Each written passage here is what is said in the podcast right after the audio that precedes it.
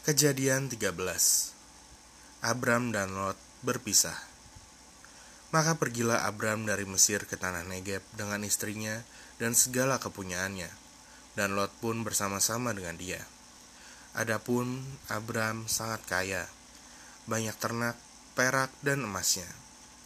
Ia berjalan dari tempat persinggahan ke tempat persinggahan. Dari tanah Negeb sampai dekat Betel di mana kemahnya mula-mula berdiri antara Betel dan Ai, ke tempat mesbah yang dibuatnya dahulu di sana. Di situlah Abram memanggil nama Tuhan.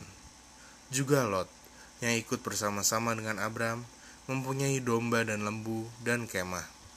Tetapi negeri itu tidak cukup luas bagi mereka untuk diam bersama-sama, sebab harta milik mereka amat banyak, sehingga mereka tidak dapat diam bersama-sama. Karena itu terjadilah perkelahian antara para gembala Abram dan para gembala Lot. Waktu itu orang Kanaan dan orang Feris diam di negeri itu. Maka berkatalah Abram kepada Lot, Janganlah kiranya ada perkelahian antara aku dan engkau, dan antara para gembalaku dan para gembalamu, sebab kita ini kerabat. Bukankah seluruh negeri ini terbuka untuk engkau?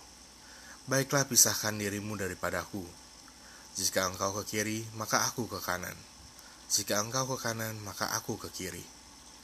Lalu Lot melayangkan pandangannya dan lihatnya lah bahwa seluruh lembah Yordan banyak airnya, seperti taman Tuhan, seperti tanah Mesir, sampai ke Zoar. Hal itu terjadi sebelum Tuhan memusnahkan Sodom dan Gomora. Sebab itu Lot memilih baginya seluruh lembah Yordan itu.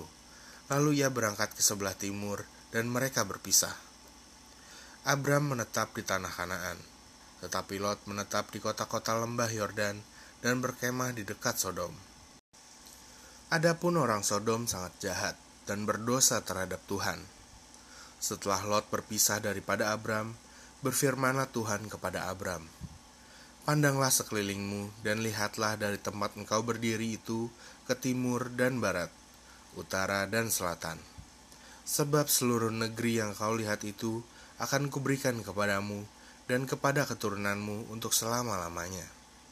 Dan aku akan menjadikan keturunanmu seperti debu tanah banyaknya, sehingga jika seandainya ada yang dapat menghitung debu tanah, keturunanmu pun akan dapat dihitung juga. Bersiaplah, jalanilah negeri itu menurut panjang dan lebarnya, sebab kepadamulah akan kuberikan negeri itu.